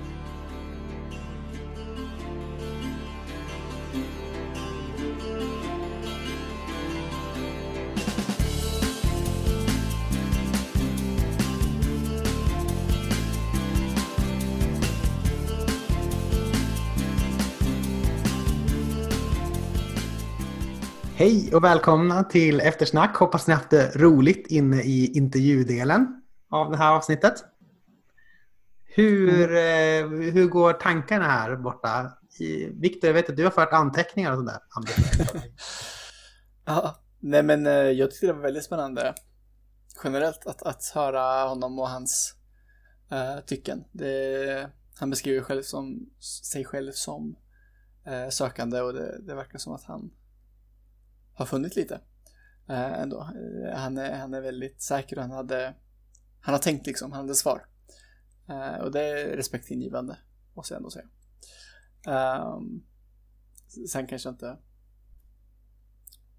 håller med i tolkning av allting. Uh, så. Men, men det var väldigt, väldigt kul att få höra honom. Ska säga. Ja, nej men eh, någonting liknande tror jag att jag skulle säga. Mm. Precis. Får jag säga en sak som jag verkligen uppskattade? Ja, ja kör. Att han var liksom inspirerande. Han inspirerade mig till att vilja läsa Bibeln mer. Mm. Alltså han var mm. väldigt förankrad i de bibliska texterna och eh, jag tycker han har en poäng i att Gamla Testamentet också lätt förpassas till något så här, ja men det är inte så intressant för oss som kristna. Typ mm. så. Det är bara, man har med sig det här med syndafallet. Typ, Första tre kapitlen. ja, och sen så var det bara en lång väntan på Jesus. Men, eh, ja. Första tre kapitlen av Första Mosebok och psalm 23. Ja. Nej, lite förenklat, men mm. ja. Mm, så det tycker jag var bra. Mm. Ja, men precis. Mm. Så jag, tycker, jag tycker alltid är kul med folk som exegeter. Så här, jag brukar bråka med dem ibland. Så här, att de alltid så här, bara, om man bara läser Bibeln så kommer man ju fram till det här. Och sen så tänker jag bara, det här är typ hundra olika exegeter säger hundra olika saker och de säger alltid så här, om du bara läser så kommer du fram till det här. Det är ju uppenbarligen inte ja. så enkelt. Mm. Ja. Jag, har, jag har en liten, jag, brukar, jag har laddat upp så här. Så jag, jag tänker att du har mycket ja. att säga, men jag undrar om du först kan säga någonting om det här med Paulus tolkning. För det känns som att vi... Ska jag säga något om ja, Paulus tolkning? Du var inne på så här, new perspective on Paul, radical ah, perspective on Paul. Och jag tänker att våra lyssnare kanske inte riktigt har det här. Om liksom... du inte kan det här så borde du inte vara lyssnare. så den attityden kan man ha. Man kan också vilja erbjuda lite nycklar för att förstå. Om man säger det gamla perspektivet på Paulus, det är lite med den här äh, Luther, äh, Luther-grejen. Va? Eh, Paulus är emot lagen. Paulus är emot lagen. Paulus eh, kommer med nåd. Mm. Kort sammanfattning. Mm. Nya perspektivet... På, Spegling av Luther. Ja. Nya perspektivet på Paulus, nu vill se om jag har så mycket bra koll. De försöker ändå tolka Paulus mer som jude? Typ. Som jude, precis. Inte som en kristen utan som en jude.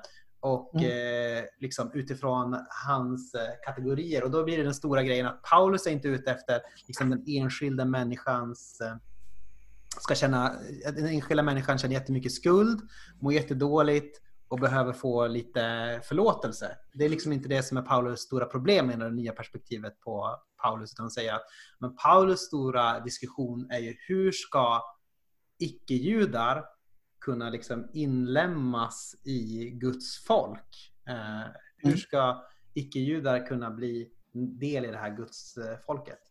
Radical New Perspective on Paul, eller Paul within Judaism, går väl ännu längre och liksom säger, betonar väldigt starkt liksom, kontinuiteten mellan Paulus och eh, judendomen. Alltså, Paulus är ingen som kommer med någonting radikalt inte, inte, ja, men han är inte, han är inte liksom helt eh, så radikalt ny utan han är snarare han har liksom fortfarande samma perspektiv att man vill liksom inlämna judar i det här folket men det är samtidigt också väldigt mycket att ja, men lagen är fortfarande central.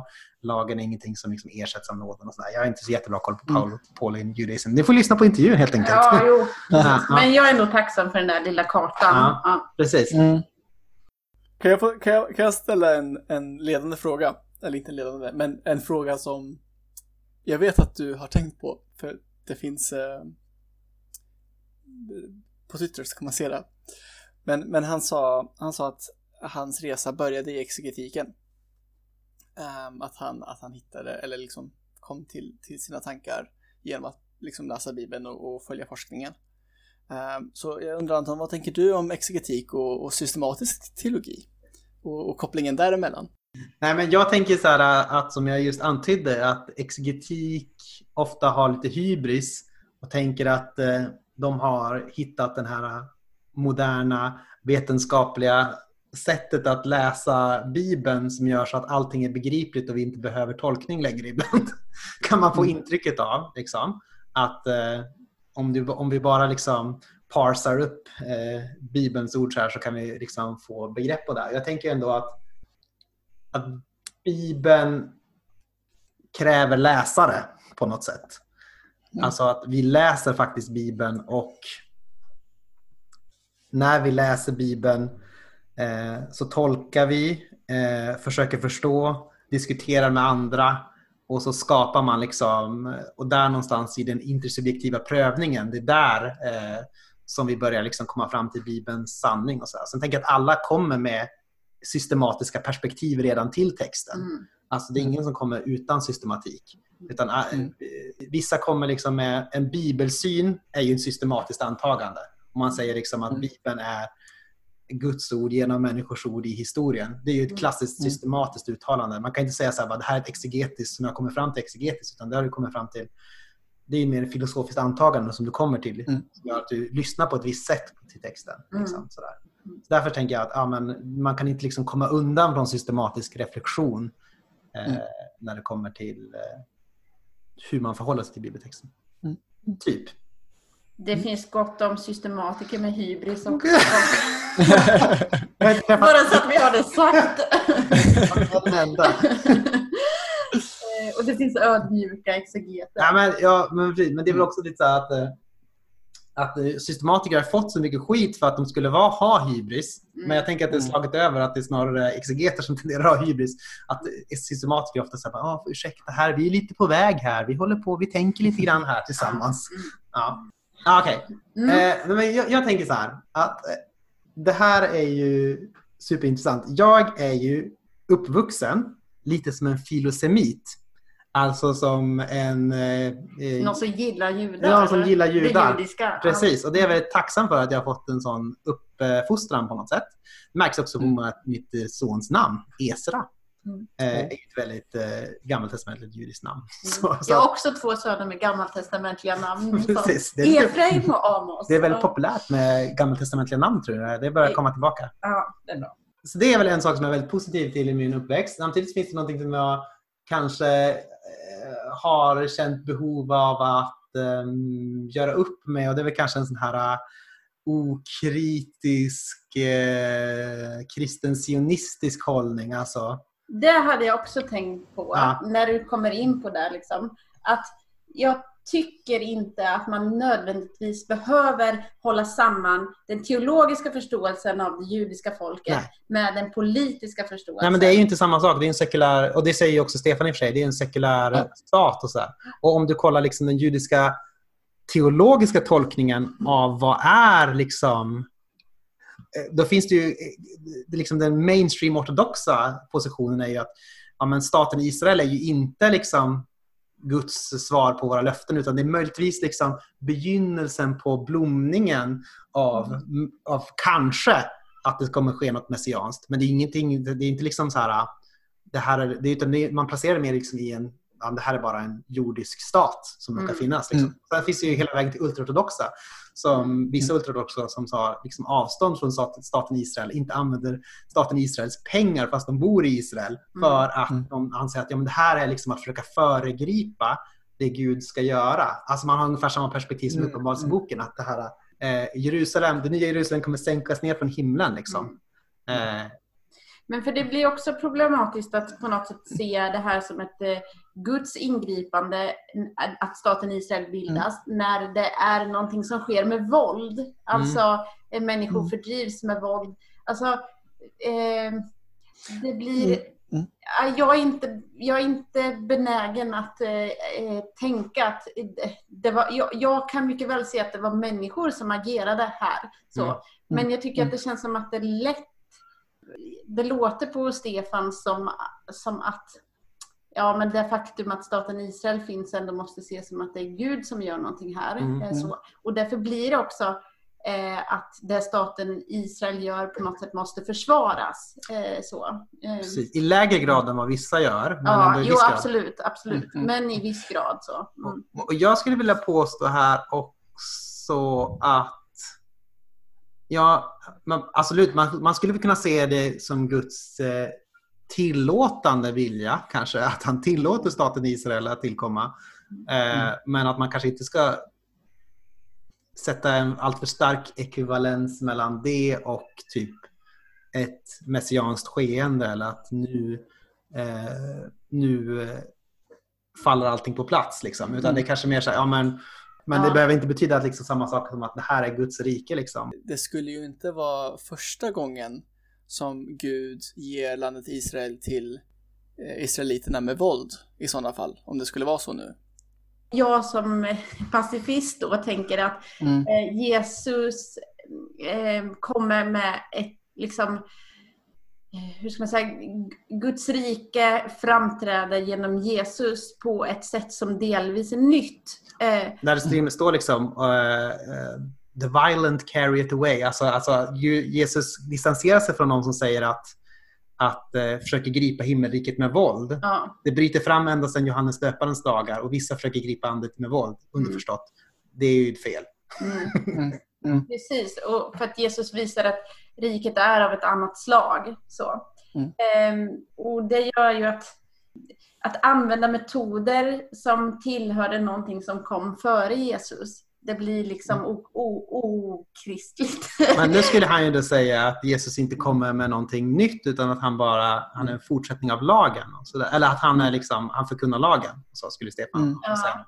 Han skulle säga att det där är typiskt kristet eh, supersessionistiskt eh, bajsprat. Ja, att, visst. att, eh, Mm. att Jesus skulle komma med något radikalt nytt. Så där. ja. Och då kommer jag in på min, min poäng här. Att lagen måste ju läsas... Alltså det finns ingen naken lag, försökte jag säga den här äh, saken. Utan lagen förstås alltid genom någon. Alltså lagen, om du läser, det är inte som att eh, de på Jesu tid gick omkring så här och så sen hade de, satt de bara och läste Mose lag. Och, och liksom så här, bara, nu ska vi applicera det här direkt. Utan de läste alltid genom någon. Förstod lagen genom eh, en gemenskap, genom en rabbin, genom en viss sorts läroströmning. Så, här. så det, är liksom, det var alltid traditioned. Mm. eh, och så här. Och det, som, det är därför man ska läsa Jesus på något sätt. Att Jesus förkastar inte lagen, Nej. men han uppfyller lagen. Han liksom visar på han visar på den rätta förståelsen, den rätta tolkningen av lagen eh, som den judiska lärare han är. Liksom. Mm.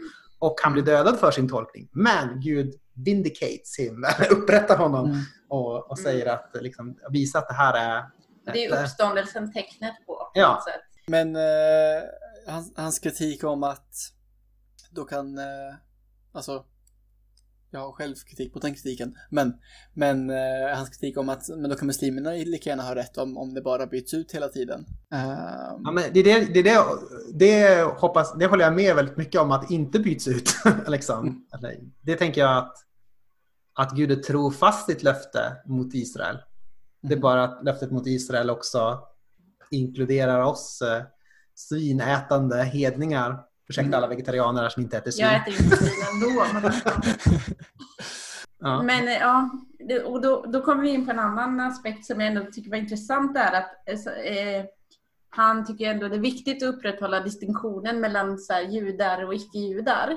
Mm. Eh, och att när han pratar om lagen, eller Tora, att liksom vissa delar, om jag förstod honom rätt, att vissa delar tillhör mer de som är judar Mm. och vissa delar gäller alla. Då blir, och vi grävde inte djupare i det, men jag blir liksom lite nyfiken på vad det innebär att leva efter lagen om man är icke-jude Mm. som du och jag och Ja. Viktor. Ja. Är det, får man äta gris borde vi ha ställt frågan då. Eller är det, liksom, är det, är det, är det, är det liksom ett tecken bara för judarna att man är ett speciellt folk eller är det för alla? Ja. Ja, och, men vad blir då kvar? Det finns ju den här traditionen om att det skulle finnas en Noa, Noa-förbund. Liksom att det finns typ sju lagar som Noa Mm. ger eller något sånt där, som skulle gälla för hedningarna. De ska följa de här och så judarna får följa den här, eller för, för den äran att följa liksom den stora lagen, Guds uppenbarade vilja. Liksom, och sådär. Mm. Men jag vet inte om det är det han knyter an till, för det verkar mer som att lagen, lagen är lagen och lagen är liksom, ja, förstår ni vad jag menar? mm. Och jag tänker så här, är inte lagen given till folk för att de har förts ut ur slaveri? Jo. Ja. och inte liksom till folk i allmänhet. Vi får en relation i lag, till lagen för att vi har blivit införlivade i Abraham genom Jesus. Eller att vi, får en, att vi är släkt med Abraham genom att Jesus har liksom, vad heter det, ympat in oss Ja. i trädet. Mm. Ja, men, det, mm. det är jätteintressant. Ja, det är intressant. Och det är, jag tänker att det är svårt att leva efter en judisk lag eh, idag. Så. Mm. Men eh, det finns ju de som... Eh, eh, jag, jag tänker på att det finns grupper av judar som försöker i större utsträckning än andra att Mm. verkligen strikt leva efter eh, buden som finns. Eh, så. Eh, De är till exempel skildrade ja, i diverse olika populära serier just nu. Ja. Eh, min favoritserie är ju eh, Stitzel, eller säger man Stitzel? Jag tror det är Stiesel. Stiesel. För det är S-H-T-I-S-E-L. Ja. Det är ju en lite mer så här eh, upbeat, eh, lite rolig, eh, halvrolig dramaserie om en Mm. ultraortodox familj i, i Jerusalem. Vi har kvar att se den hemma. Mm. Så. Mm. Men eh, ja, den har ju fått mycket beröm för att den typ ja, men skildrar väl nyanserna kan man säga i livet och Mm. inte problematiserar så mycket kring just det judiska. Eller Mm. så. Eller? Ja, ja, ja men precis. Den, är, den, den problematiserar liksom dragningen som man kan ha när man är mellan världar. Liksom. Eller den visar på Mm. dragningen man har mellan den här sekulära världen och den judiska. Men den framställer inte det judiska som inherently... Det är så mycket anglosismer här. Mm. Som liksom in, inom, inomboende liksom, förtryckande. Liksom, eller något sånt där. Eh, Men så finns det ju en annan tv-serie som har fått mycket uppmärksamhet nu som heter Unorthodox. Mm. Eh, så. Ehm, och den handlar om en ung kvinna som lämnar en ultraortodox eh, miljö i, eh, i Brooklyn, eller nej, Will, Williamsburg. Ja, i Brooklyn tror jag. Ja. Det om- Ja. ja. i, och reser till Berlin. Och där finner hon ett nytt sammanhang som är sekulärt, kan Mm. man säga. Ehm, och jag tycker det här är en väldigt vacker tv-serie. Så. Mm. Ja, men eh, den har ju då fått kritik för att den kanske ja, men, problematiserar eh, ultraortodoxt judiskt liv på ett sätt som man tycker inte vi borde behöva ägna oss åt som Ja, västerlänningar. ja, Vad tänker du? Ja, men det är väl mer så att det är en sån, det är ju en reklamyta för liksom västerländsk eh, eh, Frihet. men, tråkliberalism. Så här. Om man tittar på de här karaktärerna som man går med i den nya gemenskapen. Det är ju som typ en så här Ja, men det- stock, men det är som en typ en stockfoto. Liksom så här, att det sitter Mm. typ massor med människor med vita tänder med olika Mm. etniciteter, eh, olika sexuella Mm. läggningar i en liten trång soffa. Liksom. De Så här- hade kunnat vara en katalog för ett universitet Ja, men, ja, precis, typ men exakt. Liksom så här, det var, googla typ eh, Mm. intercultural meeting eller något sånt där. Så kommer det upp en bild på dem. Och sen så är det, så här, det, så det är liksom så ganska liksom genomskinligt att det är en sorts reklamfilm egentligen för hur bra vi har det. egentligen. Alltså, Mm. Jag tänker att det är något så här, uh, att den kväver liksom eh, förmågan att kritisera vårt, sa- vår, våran samtid och vårt samhälle och de värderingarna vi har. För att den liksom säger så här, okej, du har, alternativet är liksom, är liksom farlig, tråkig sekterism där du måste ha på dig en ful peruk och sådär. Och eh, det, du får, när, det du får i, vårat, eh, i samhället som vi har det, det är ju att vi, du får liksom göra som du vill och att det är trevligt. Så, här. så då kan man Mm. få folk att sitta och eh, äta sin djupfrysta pizza framför Netflix och ändå känna att deras liv på något sätt är ädelt och progressivt. Ja. Det är samma allt. typ av kritik som mot Handmaid's Tale. Eller Ja, hur? Ja, men precis. Men alltså, och jag förstår det, men jag tycker samtidigt att det blir för mycket att låta liksom en serie bära allt. Så. Alltså, eh, det är ju också en berättelse om eh, sexuellt våld som eh, man vill bli fri ifrån. Liksom. Mm. Och på det sättet är det en stark berättelse, tänker jag. Att, eh, ehm, ja, det- det, är inte, det är inte inaktuellt, kan man säga. För att vara kvinna i den här världen är att liksom löpa risk att utsättas för sexuellt våld eh, så, och, och i vissa miljöer mycket mer än andra. Så. Det är också en sak som den här serien är. Jag vill bara ha, ha det sagt. så. Man kan också utsättas för sexuellt våld i, i våra västerländska samhällen. Ja, Mm. det kan man. Men jag menar att man, man kan läsa den här berättelsen på olika sätt. Ja. Eh, och man kan läsa den som att det här är en berättelse om hur bra vi har det i våra västerländska samhällen. Men man kan också läsa det som eh, liksom en, eh, Enskild människa. ja, en enskild människas berättelse och väg till frihet. Så. Och den är ju också självupplevd. Hon Mm. måste väl få berätta sin berättelse. Fast den är väl också att den är ganska... den är lite redigerad. den är ganska lätt, Ja. redi- ganska mycket, redigerad. Ja. Här är en sak som jag också tänkt på. Mm. Eller inte jag som har tänkt på det. Jag har läst det här från en eh, teolog som har skrivit mycket om det här relationen mellan judar och kristna och, liksom, och menar att det här, det här behövde inte hända, det här brottet mellan synagogan och kyrkan och sådär.